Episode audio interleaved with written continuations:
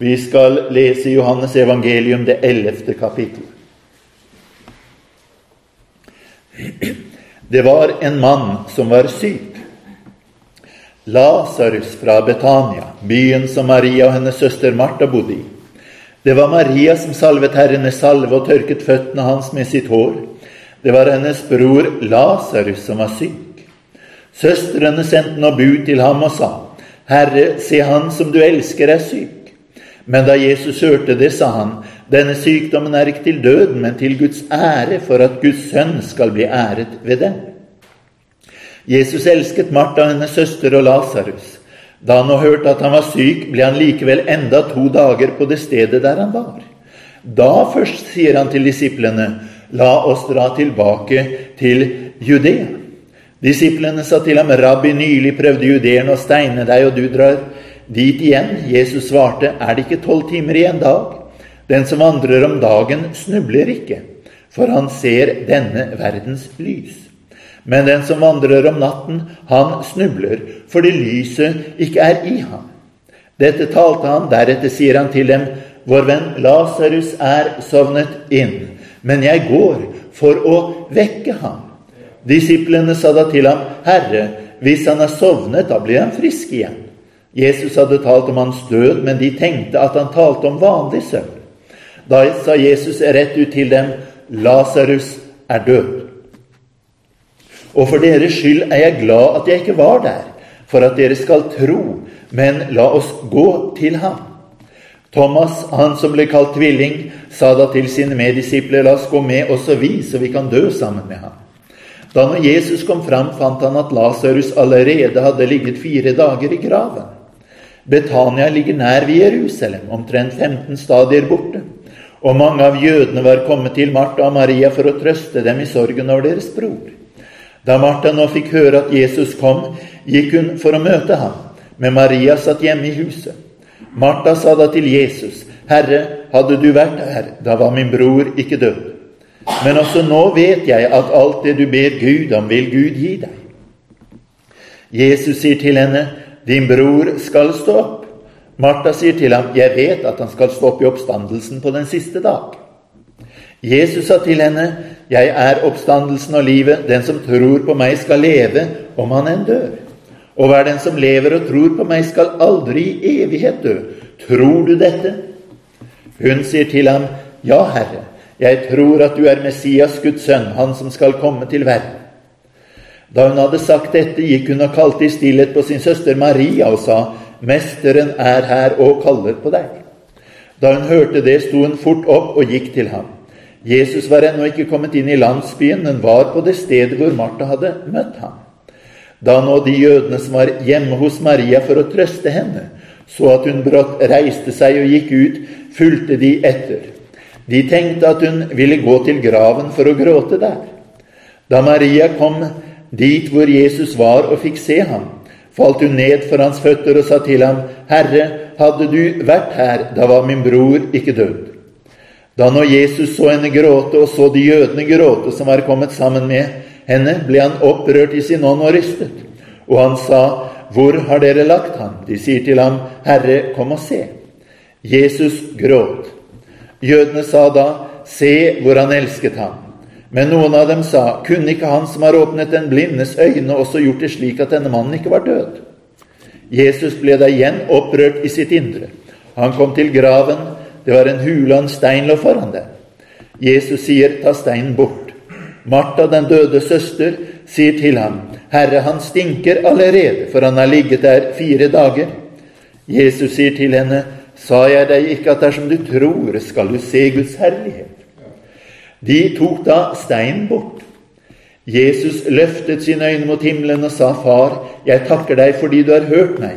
Jeg visste jo at du alltid hører meg, men for folkets skyld som står omkring meg, sa jeg det, for at de skal tro at du har sendt meg. Og da han hadde sagt dette, ropte han med høy røst, Lasarus, kom ut. Da kom den døde ut, ombundet med liksvø på føtter og hender, og om hans ansikt var bundet en svetteduk. Jesus sier til dem, løs ham og la ham gå. Mange av jødene som var kommet til Maria og hadde sett det han gjorde, trodde da på ham. Men noen av dem gikk av sted til fariseerne og sa til dem hva Jesus hadde gjort. så kan vi lese i kapittel 12 og vers 1. Seks dager før påske kom så Jesus til Betania, der Lasarus bodde, han som Jesus hadde reist opp fra de døde. Der holdt de et festmåltid for ham. Martha vartet opp, og Lasarus var en av dem som lå til bords sammen med ham. Maria tok da et pund ekte, meget kostbar nardussalve og salvet Jesu føtter, og hun tørket hans føtter med sitt hår, og huset ble fylt av salvens duft. Og vi kan stoppe der. Vi skal også lese bare så vidt. Vi skal tilbake til Johannes 11. Vi kan lese så vidt i Matteus 26, hvor den samme beretningen står. Matteus 26 og vers 6. Men da Jesus var i Betania, i Simon den spedalskes hus, da kom det en kvinne til ham en alabastkrukke full av kostbar salve. Held, den helte hun ut over hans hode mens han lå til bords. Så klaget de jo mye over dette, men Jesus sier i vers 13.: Sannelig sier jeg dere, hvor som helst i hele verden dette evangeliet blir forkynt, skal også det hun gjorde, fortelles til minne om henne. Og i Lukas det tiende kapittel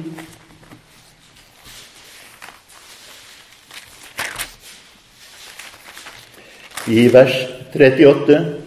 Mens de var på vandring, kom han inn i en landsby, og en kvinne ved navn Martha tok imot ham i sitt hus. Hun hadde en søster som het Maria. Hun satte seg ved Jesu føtter og lyttet til hans ord. Men Martha var travelt opptatt med alt som skulle stelles i stand. Hun gikk da bort til dem og sa, Herre, bryr du deg ikke om at søsteren min har latt meg bli alene med å tjene deg? Si deg til henne at hun skal hjelpe meg. Men Herren svarte og sa til henne, Martha, Martha, du gjør deg strev og uro med mange ting. Men ett er nødvendig. Maria har valgt en gode del som ikke skal bli tatt fra henne. Her er det at vi leser om eh, Martha og Maria i tre forskjellige beretninger. Og den beretningen vi husker best, det er vel den siste jeg leste, om Martha som driver og strever og kaver, mens Maria var den som hadde valgt den gode del. Men eh, hvis du la merke til det, så var det ikke den beretningen som var den beretningen Jesus sa at vi skulle huske på. Den han sa vi skulle huske på, var den hvor hun salvet Jesus.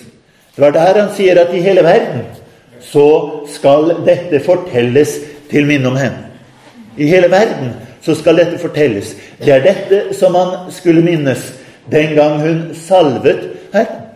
Og hvorfor salvet hun ham? Jo, det var på grunn av det som skjedde i Johannes kapittel 11. Da hennes bror Lasarus var blitt vakt opp fra de døde. Så her er det at hun salver Jesus og det er jo litt interessant at i Matteus så sto det at hun salvet hans hode. Og i Johannes 12 at hun salvet hans føtter. Men eh, det er ikke så rart som eh, vi gjerne eh, synes det er. For på den tiden så satt de ikke til bords. De lå til bords. Og ligger du til bords, så ligger du jo med hodet mot duken, hadde jeg nær sagt, og beina i motsatt retning. Så her har hun tydeligvis gått inn og salvet Jesu hode. Og så er hun på vei ut igjen, men så ser hun at det er fortsatt noe igjen i flaska. Så salver hun hans føtter på veien ut, og så tørker hun dem med sitt hår. Og eh, denne familien, Martha, Maria og Lasarus Det er tydelig at Jesus kommer til dem igjen og igjen. Det er en familie hvor Jesus er velkommen. Det er en familie hvor Jesus er på besøk. Det er en familie hvor Jesus blir vartet opp.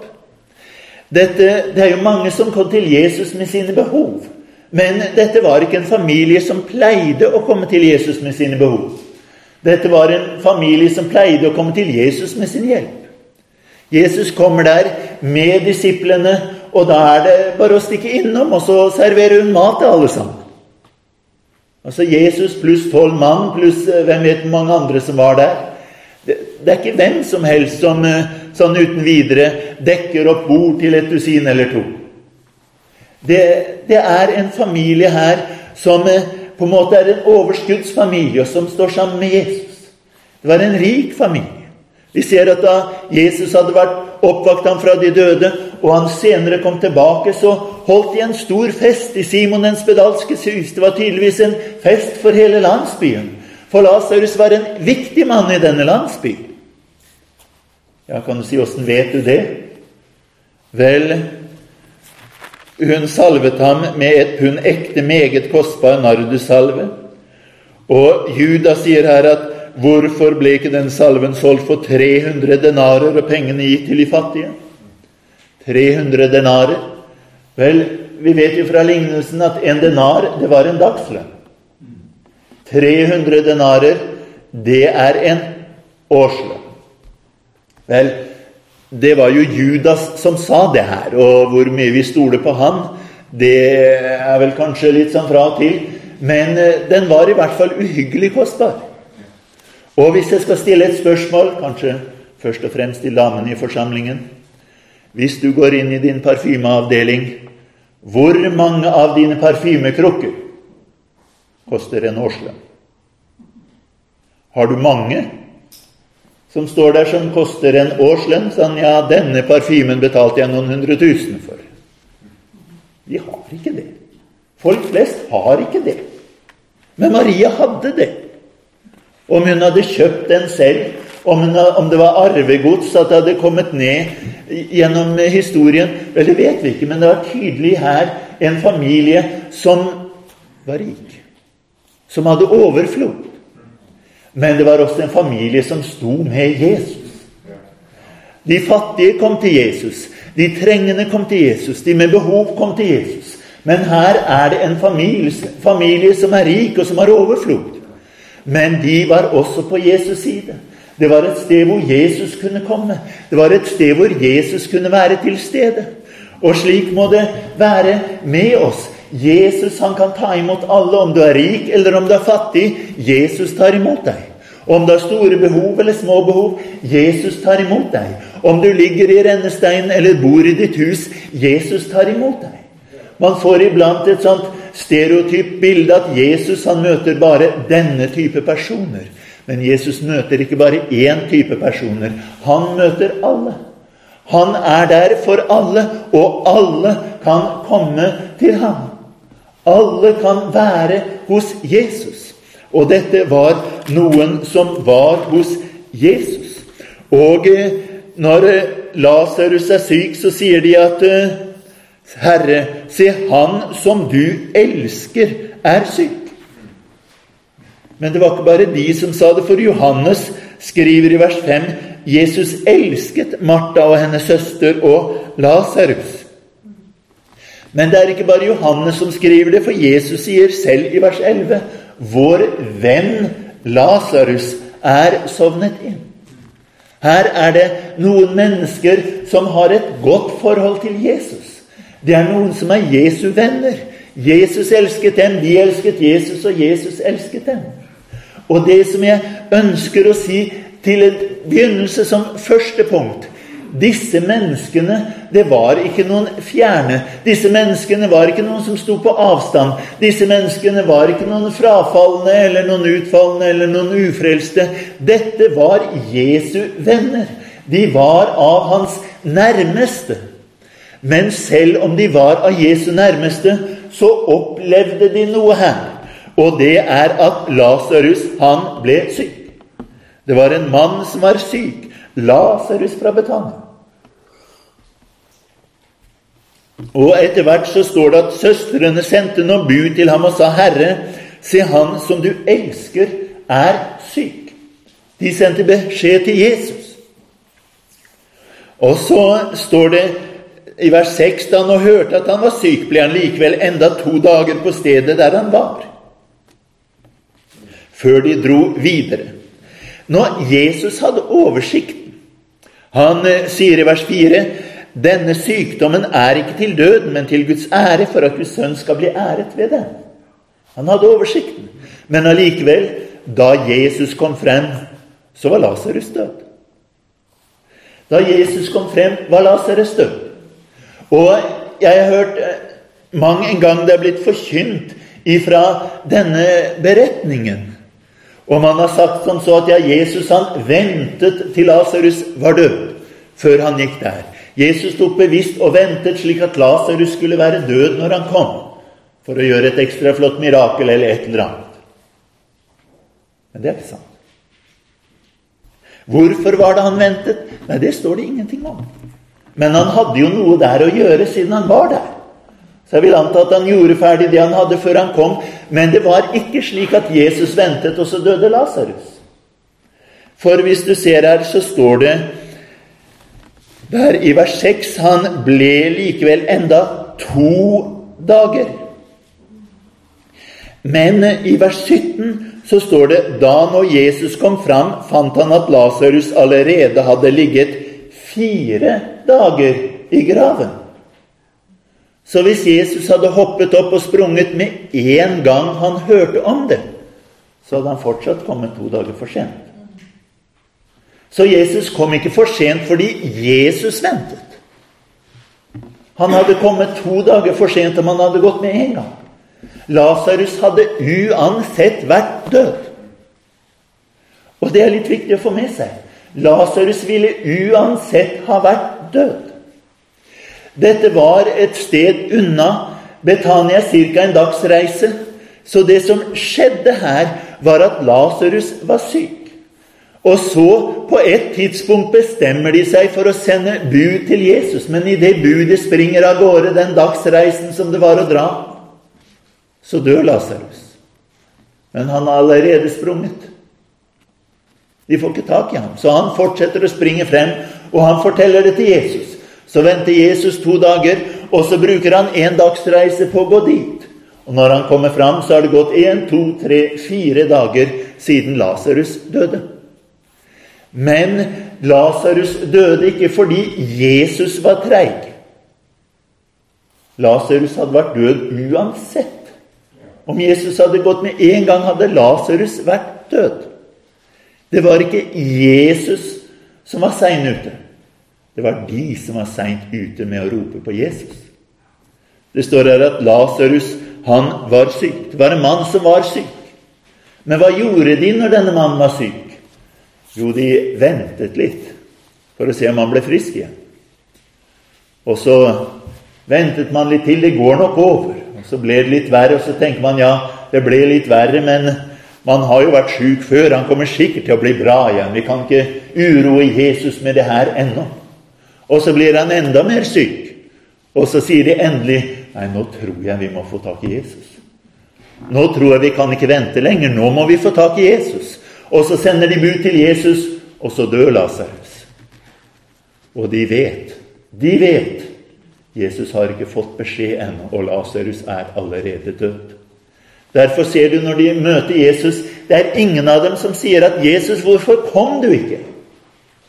De sier bare 'Hadde du vært her'. Hadde du vært her. Og du vet at problemet var at Jesus, han var ikke her. Og hvorfor var han ikke der? Han var ikke der fordi de ikke hadde gitt beskjed tidsnok. Det var deres skyld at Jesus ikke var der. Og de jeg har lyst til å forkynne for her i kveld, det er den som vet med seg selv at det er noe i mitt liv, i min tjeneste, i mine forhold Det er noe som er dødt. Og du vet også inderlig godt at det er din skyld at det er dødt. Og hvis du sitter der og sier som så at ja, men 'jeg har ikke gjort noe galt', det er ingenting feil med meg Nei, så tar du bare og og spoler opp denne talen og lar den ligge til den dagen det skjer. For eh, jeg tror det er veldig få mennesker som kan gå gjennom livet og si at det har aldri skjedd noe i mitt liv som jeg har vært skyld i. Det har alltid vært de andre som har vært skyld. Aldri har jeg vært skyld. Jeg tror at hvis man eh, Det er ikke sikkert du sier så til meg, men når du står der i speilet og ser, deg, ser på deg selv, så tror jeg de fleste av oss kan si at det har vært ganger det har skjedd noe i mitt liv, og, og det var min skyld. Det var jeg som gjorde det. Det er min skyld. Og det var det disse visste. Martha visste det, Maria visste det. Vi ropte for sent. Vi ba for sent. Men hvorfor ba de for sent? Jo, for hele tiden så var det for tidlig. Nei, det er for tidlig å skulle få tak i Jesus nå. Han, jo, han er jo bare litt sjuk. Det, det, går sikkert over. Det, det, er ikke ille nok til å få tak i Jesus nå. Det er for tidlig å spørre etter Jesus. Dette er for lite alvorlig til å spørre etter Jesus. Inntil den tiden kommer det plutselig blir Nå er det for sent å spørre etter Jesus. Og slik har det ofte vært også i våre liv. At det er liksom det, Dette er ikke noe å be til Jesus om. Dette er ikke noe å legge frem for Jesus. Dette er ikke noe å bringe til Jesus. Inntil den dagen kommer hvor du sier at 'nå er det for sent'. Nå er, nå er han død. Og om Jesus kommer nå, så er han like død allikevel. Noe er dødt i mitt liv. Og selv om Jesus kommer, så forblir dette dødt. Og du ser, når Jesus kommer, så roper de ikke ut at 'Å, endelig takk, Jesus, at du kom. Nå kan du gjøre noe.' Men det de roper ut, er at 'Hadde du vært her?' Hadde du vært her? Vers 21. Martha sa det til Jesus, 'Herre, hadde du vært her?' Da var min bror ikke død. Hadde du vært her, da var min bror ikke død. Hadde du vært til stede i situasjonen, så hadde min bror ikke vært død. Men han er død fordi du ikke er. Den som taler her, er ikke en frafallen kvinne. Den som taler, er ikke en ufrelst kvinne. Den som taler, er en kvinne som kommer fram til Jesus, og Jesus er hennes venn. Men allikevel er det noe som er dødt i hennes liv. Hun har ikke forlatt frelsen. Hun tror ikke at 'nå er jeg uten Jesus'. Hun er der sammen med Jesus. Men hun er overbevist om at én ting er i hvert fall sikkert. Det er en Lasarus i mitt liv som aldri kommer tilbake. Og det har vært mange mennesker de har opplevd at det har vært en nådegave i mitt liv. Og jeg skulle tatt den i bruk, men jeg brukte den ikke tidsnok. Så var det for sent. Og nå er den borte. Jeg kommer aldri til å få den tilbake igjen. Ja, du tror du er frelst. Du tror du hører Jesus til. Du kan møte Jesus. Du kan gå på et møte med Jesus, men at den nådegaven skal komme tilbake, det tror du ingenting på. Den er død. Og du vet det er min skyld. Det er mennesker som Herren har gitt dem en tjeneste, gitt dem en beskjed at 'Gå du med mitt ord, ta vitne for den, ta tal med den.' Og de gjorde det ikke. Og så ble det plutselig for sent. Den du skulle vitne for, er kanskje død. Er kanskje flyttet bort. Det, det har skjedd noe, og du tenker 'Jeg er for sent ute'. Det er for sent, og det er min skyld. Og du kan alltids møte Jesus igjen senere, men du vet dette er dødt. Jeg har mistet min tjeneste. Jeg har mistet min oppgave. Dette kommer jeg aldri mer til å få tilbake. Og du kan gråte innenfor Jesus og si at 'Å, Herre, hvis, hvis du hadde vært til stede' 'Hvis jeg hadde bedt tidsnok', 'Hvis jeg hadde kommet til deg fort nok', 'Hvis jeg hadde tenkt at her trenger jeg Jesus med en gang', så hadde ikke dette skjedd. Da hadde jeg ikke gjort det jeg gjorde. Da hadde jeg ikke latt være å gjøre det jeg lot være å gjøre. Da hadde det vært annerledes. Og Det er litt interessant. Det er den første som kommer. Det er Martha. Martha er den første som kommer. Og hun, eh, hun kommer her og sier, 'Herre, hadde du vært her, da var min bror ikke død.' Men også nå vet jeg at alt det du ber Gud om, vil Gud gi deg. Hun hadde tro. Hun hadde tro for alt, unntatt at Lasarus skulle bli levende igjen.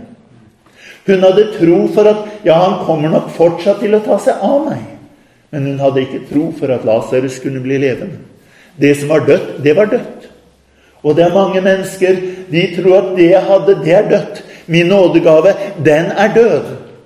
Jeg kan nok alltid be til Gud om andre ting, men den, den er død. Min tjeneste, den er død. Mitt vitnesbyrd, den er død. Min sang, den er død.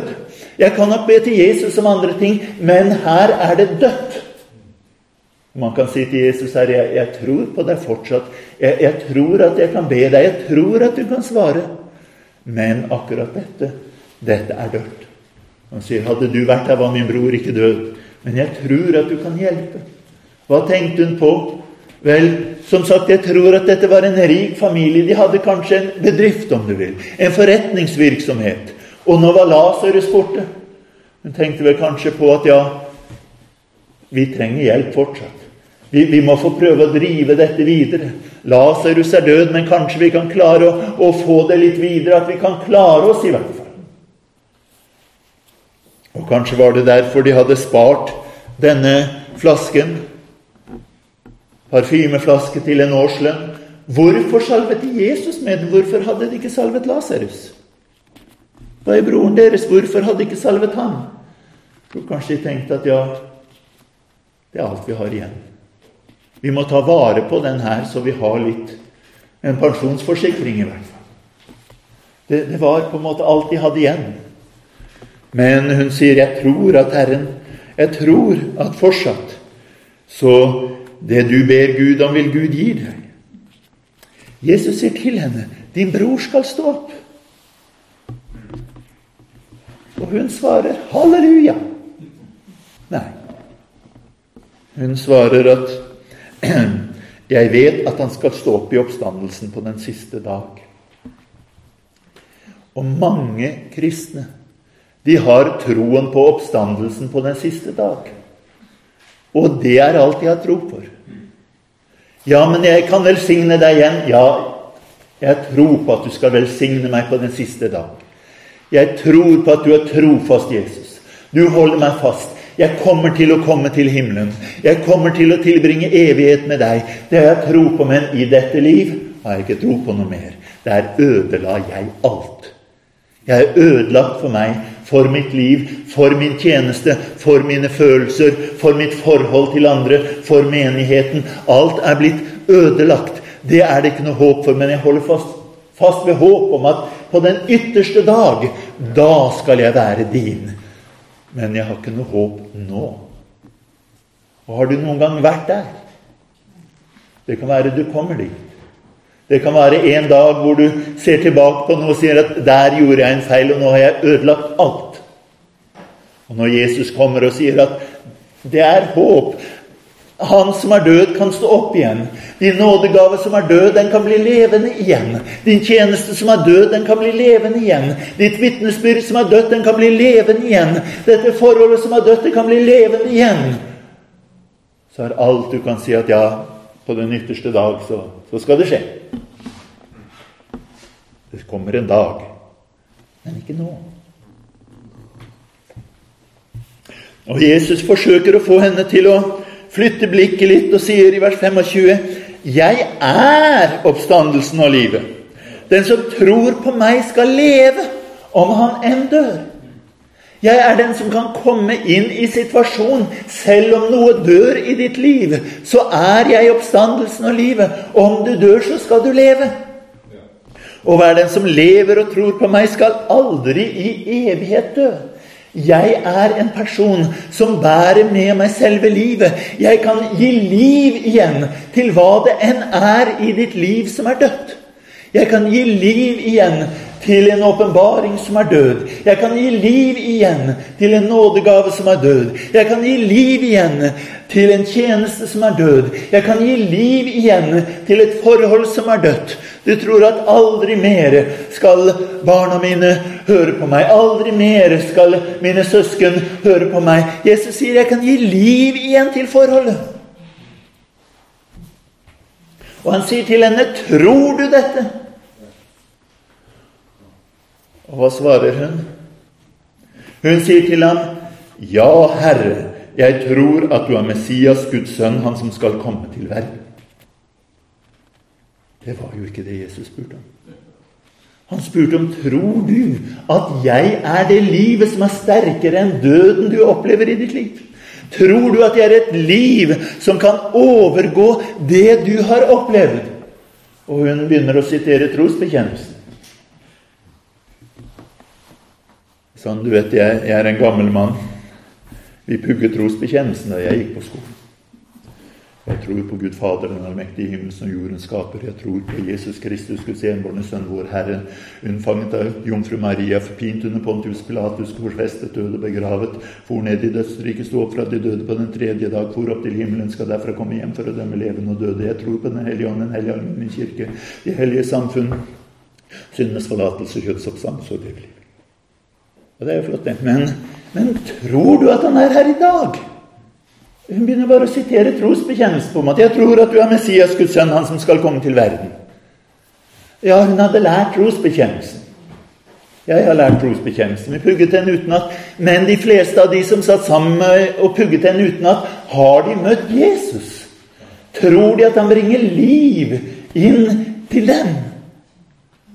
Men ofte så kan vi være i den situasjonen at vi, vi, tror på trosbekjennelsen, men tror vi at Jesus er til stede i vårt liv her og nå? Hvis jeg sier 'tror du', hva svarer du? Ja, jeg tror at Gud er en. Det er flott. Men det hjelper ikke bestandig. Ja, jeg tror på dåp i Jesu navn. Ja, jeg tror på utvelgelse. Ja, jeg tror på et hellig liv. Ja, jeg tror på ja, men tror du at han er livet og oppstandelsen som kan gripe tak i det som har gått i stykker i ditt liv, og gjøre det levende her og nå? Tror du det? Det er det Jesus spør om. Tror du at jeg er dette? Og Martha, hun, hun kom ikke videre. Men hun gikk bort og kalte på Maria. Vet, denne fæle Martha vet hun som bare strever og kaver og tror det er noe der. Er Maria vi vil være. Ja, hvor var det Maria var? Når Jesus kom til Betania, hvor var Maria? Hun satt hjemme i huset. Hun kom ikke engang. Kanskje burde be Martha litt om unnskyldning for hva man har sagt om henne. Hun kom i hvert fall.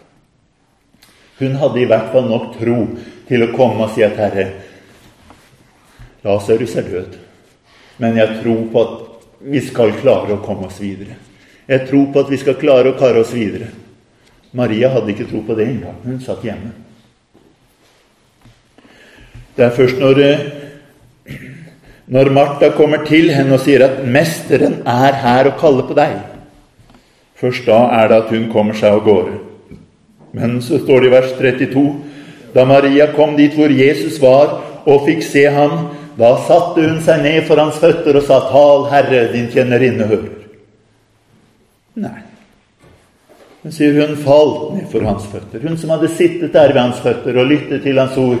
Nå bare faller hun ned. Hun er ikke klar til å høre på noe som helst. Men hun sier igjen akkurat det samme. Herre, hadde du vært her, da var min bror ikke død. Hvorfor sier de akkurat det samme? De har sittet og snakket sammen om dette gang på gang. De vet begge to godt at vi har gjort feil. Begge to har vi gjort feil.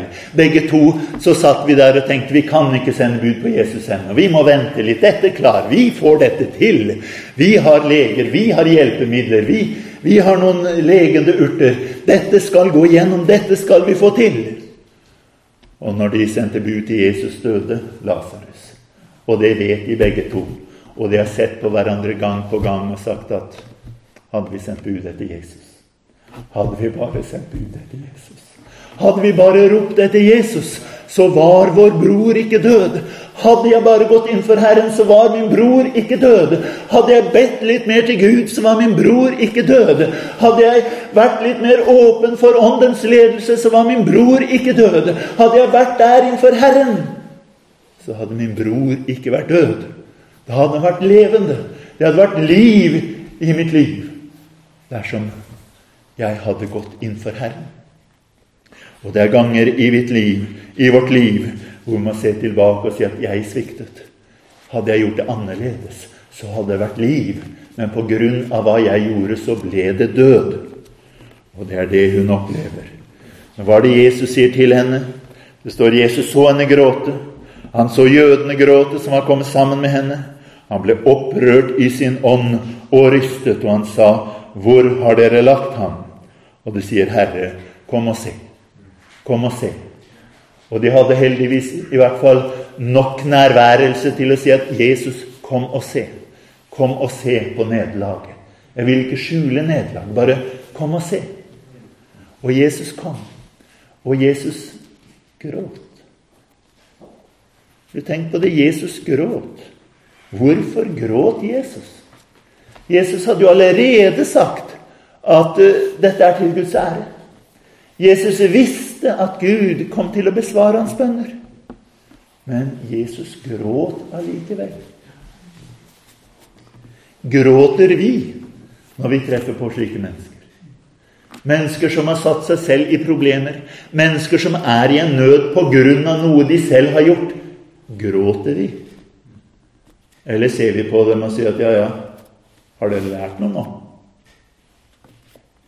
Dere ser hva som skjedde. Ser dere hva som skjedde? Har dere fått med dere at det er deres skyld? Dere kunne gjort det annerledes. Da hadde det ikke vært sånn. Ikke sant? Har dere lært noe nå? Jesus gråt. Jesus er en som ser inn i situasjonen. Han visste de har nok. De har forstått hva de har gjort. De vet hva de har gjort feil. Og Jesus han har en medfølelse med dem. Selv om han vet at det kommer til å gå bra, så går han inn i situasjonen med en medfølelse. Vi kan lære mye av Jesus. Han bryr seg ikke om hvorfor det har skjedd. Han går inn i situasjonen med en medfølelse. Men det er ikke alle her som har en medfølelse. Det var noen der De var jo venner av Maria og Martha, men de var ikke noen venn av Jesus. De kom dit for å skulle trøste Maria Martha. Men eh, ser du vers 36, så står det jødene sa da Se hvor han elsket ham. Noen så på Jesus og sa der Jesus, han elsket Lasarus. Men så har det en gjeng til. Vers 37. Noen av dem sa kunne ikke han som har åpnet den blindes øyne, også ha gjort det slik at denne mannen ikke var død? Med andre ord, plutselig så er det Jesus skyld at Lasarus døde. Her har de vært for sent ute med å tilkalle Jesus. Jesus hadde ikke sjans til å komme fram før han døde. Jesus hadde ingen mulighet til å være der før han døde, men allikevel så er det noen som kommer og sier at ja, der ser du åssen det er med han der Jesus. Han, han kunne ha gjort noe, men han gjorde det ikke. Og det vil treffe slike mennesker. Hvis det har skjedd noe i ditt liv, og du vet din samvittighet taler til deg og sier at 'her er det jeg som sviktet', Gud, han var der, han var klar, men jeg sviktet', så er det alltid noen som kommer og sier at 'nei, egentlig er det Guds skyld'. Det er Jesus som har skylda. Og iblant denne fæle fienden som sier det Vet du hvor du kan finne ham? Iblant så ser du ham i et speil. Iblant så er det vi som plutselig begynner å si til oss selv ja, hvorfor gjorde ikke Jesus det? Vi vet at det er ikke Jesus skyld. Vi vet hva vi har gjort. Men plutselig så er det som at vi gir Jesus skylda for alt og sier ja, kunne ikke han gjort det? Kunne ikke han gjort det? Da er du på et veldig farlig punkt. Når jeg begynner å si ja, hvorfor gjorde ikke du det, Jesus? Tiden er inne til å heller si Jesus gjør noe for meg. Jeg har syndet. Jeg har sviktet. Jeg trenger hjelp. Derfor ser vi Jesus han ble forferdet da han hørte dette. Men da han kom dit og fant Lasarus, når han fant den døde, så ser han at han ligger i en hule og en stein foran. Hva har de gjort med problemet? De har gjemt det bort. Det som har gått i stykker, det er gjemt bort. Det er lagt inn i en hule, og så har man rullet en stein foran det, slik at ikke kan du se det, ikke kan du høre det, ikke kan du lukte det, ikke kan du merke det på noe vis. Og det er det ofte vi gjør. Vi har ikke lyst til å snakke om det. Jeg har ikke lyst til å nevne det. Vi, vi, vi snakker ikke om sånt. Vi, vi, bør helst snakke om noe annet. Snakke om noe positivt. Ikke snakke om det som gikk feil. Men Jesus han går rett bort til der eh, hvor eh, denne er, og så sier han 'ta steinen bort'. Ta steinen bort. Da er det at Martha trer frem igjen og sier at 'Herre, han stinker allerede'. Han har ligget der fire dager. Et problem skal ikke ligge der mange dager før det begynner å stinke. Og det er problemer vi har, det har stinket i lang tid. Det har stinket, og det har stinket. Det er ting vi har fått til på grunn av at vi trodde vi visste godt nok til å slå vi lot være å legge det frem for Jesus. Jeg var overbevist om at dette klarer jeg sjøl, så jeg lot være å bringe det frem for Jesus. Jeg var så sjalu på de andre at jeg lot være å snakke med Jesus om det. Og nå ligger problemet der og stinker. Og eneste grunnen til at ingen kjenner stanken, er at jeg satte en stein foran det og pressa den imot og sørget for at jeg lukka det igjen. For ellers så ville det stinket opp hele nabolaget. Og hun sier her han stinker allerede. Men Jesus svarer, sa jeg deg ikke at dersom du tror, skal du se Guds herlighet. De tok da steinen bort. De tok steinen bort. Hva skjer når du stinker og du tar steinen bort, så kommer stanken ut. Men den som mottok stanken, det var Jesus. Den som sto foran der, det var Jesus. Det er ikke gitt at du skal fjerne steinen for meg, eller for han, eller for henne. Men når Jesus kommer, la oss si at Herre, her er det. La oss rulle bort steinen og si at her ser du hvordan mitt mistak stinker. Her ser du hvordan min feil, den stinker. Her ser du hvordan det jeg bommet på, det stinker. Men Jesus, her er det. Her er det. Og det var alt de trengte å gjøre, for da er det at Jesus løfter blikket mot himmelen og sier 'Jeg takker deg fordi du har hørt meg'. Og så er det at han vender seg mot Lasarus, og så sier han 'Lasarus, kom ut'. Ja, Men Lasarus er jo død. Men når Jesus sier 'Lasarus, kom ut', så skjer det noe. Han som var død fordi de ikke kom tidsnok til Jesus, han kommer ut. Han som var død på grunn av deres feil, han kommer plutselig ut. Han de var overbevist om at aldri mer kommer til å leve. Plutselig kommer han ut. Djevelen han ønsker til stadighet å fortelle oss dette trenger du ikke be til Jesus om. Dette trenger du ikke ta frem for Herren. Det er ikke noe vits i å ta opp det ennå. Du trenger ikke begynne å be om dette ennå, inntil han plutselig kommer til og sier at 'nå er det for sent'. Du skulle ha bedt i går. Du skulle ha kommet til Jesus i går. Det var forrige uke du kunne gjort noe med det her, men nå er det for sent. Du vet, Djevelen elsker å holde på på den måten. Ikke ennå, ikke ennå, ikke ennå. Ah, du er for sent ute. Men vi har en Jesus som kommer. Og dette er skrevet ikke til ufrelste mennesker, det er skrevet til frelste mennesker. Det er frelste mennesker som kan oppleve dette, at du var for sent ute, og nå er noe dødt i ditt liv. Men det jeg ønsker å fortelle, er at det er én som kan komme, og som kan si 'Kom ut'. Kom ut. Den nådegaven som du tror er død, han kan tale til den og si 'Nådegave, kom ut'. Og den kommer ut igjen. Og du kan løse den, og du kan la den gå, og du kan få oppleve at i neste møte så er den nådegaven aktiv. Det vitnesbyrdet som du har begravet og lagt der inne og sagt at det er dødt. Herren kan si 'kom ut', og det kan komme ut igjen. Det forholdet som du har trodd har vært dødt. Herren kan si 'bli levende', og det blir levende igjen. Det, Herren han kan se til alle ting. Han ser denne hulen, han ser steinen. Han sier bare 'ta steinen bort'. La stanken komme til meg, så kan jeg rope 'riv' inn i stanken.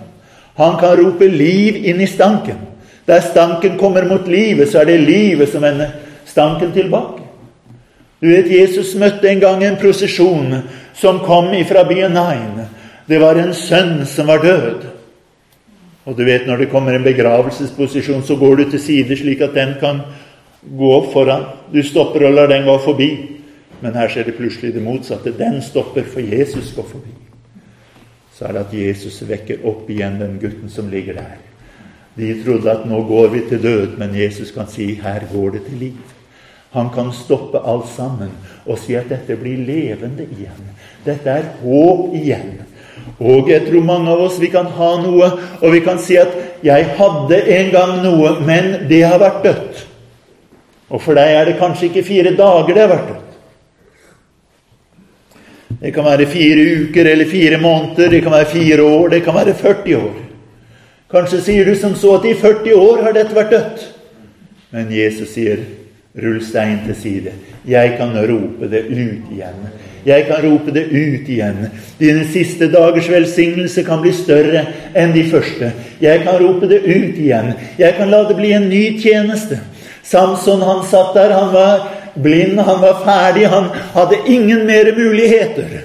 Men en dag så står han der, og så sier han, 'Herre, la meg få hem meg en siste gang.'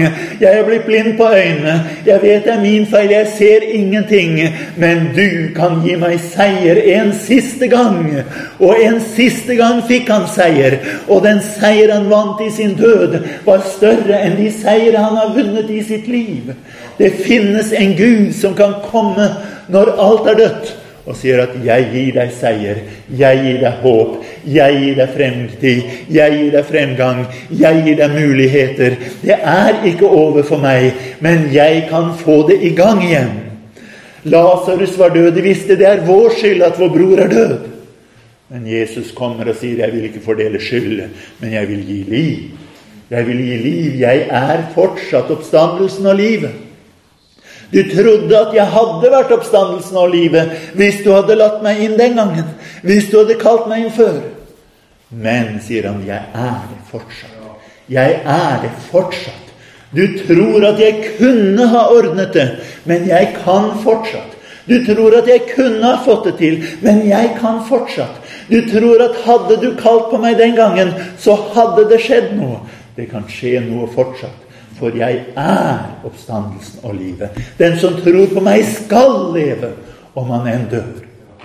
Er det noe i ditt liv som er dødt? Om det har vært dødt i fire dager eller 40 dager eller fire år eller 40 år, det spiller ingen rolle. Om det er et vitnesbyrd som er dødt, om det er en nådegave som er død, om det er en tjeneste som er død, om det er et forhold som er dødt, hva den er som er dødt så ønsker jeg å fortelle at det er en som lever. Og som ikke bare lever, men som har liv i overflod, og som vil gi livet. Og han er til stede. Og han sier du vet han er til stede. Du vet han er det. Du kjenner ham. Du er frelst. Du hører ham til. Du vet at Jesus er der. Men den Jesus du vet er der, han kan gripe tak i det som er i din fortid, og si at 'dette tar jeg ut igjen'. Nå skal jeg igjen bli levende. Han kan gjøre det for deg. Han kan gjøre det her i kveld. Han kan gjøre det når du sitter der for deg selv. Bare rull stein til side og si at 'Herre, du ser her hvor ille det er.' 'Du ser hvordan det er i mitt indre.' 'Du ser sangen i mitt indre, den er død.' 'Lovprisningen i mitt hjerte, den er død.' 'Dette som jeg pleide å bringe frem, det er dødt.' Så kan Herren si 'Kom ut. Kom ut.' Og så får du kjenne at turtelduens røst lar seg høre i landet så får du kjenne at sangen, den er tilbake. Sangens tid er inne. Lovprisningens tid er inne. Livets tid er inne. For Herren kan gjøre det. Kjære Gud og Far. Herre Jesus Kristus, jeg ber om at ditt ord må gå inn i noe menneskes hjerte, Herre. At noen må få noe de har bruk for, Herre Jesus.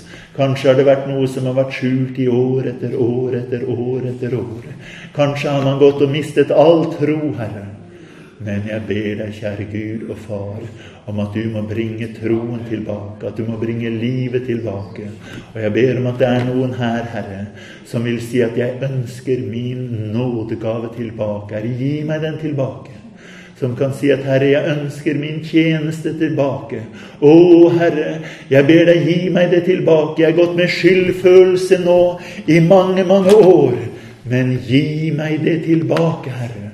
For du kan, å kjære Gud og Far, om det er noen som kjenner et forhold som er blitt ødelagt, noe som er gått i stykker, noe man har mistet, Herre. I årevis har de gått med skyldfølelse. I årevis har man gått og følt at 'jeg er ikke bra nok, jeg er ikke god nok, det var min skyld'. Og iblant kommer djevelen og sier at 'ja, det var deres skyld'.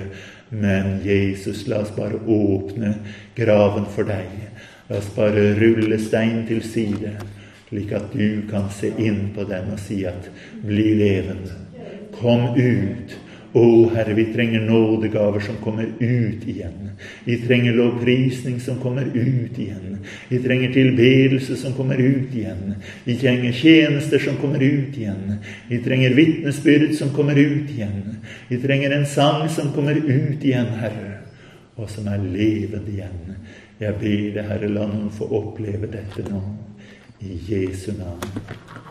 Amen.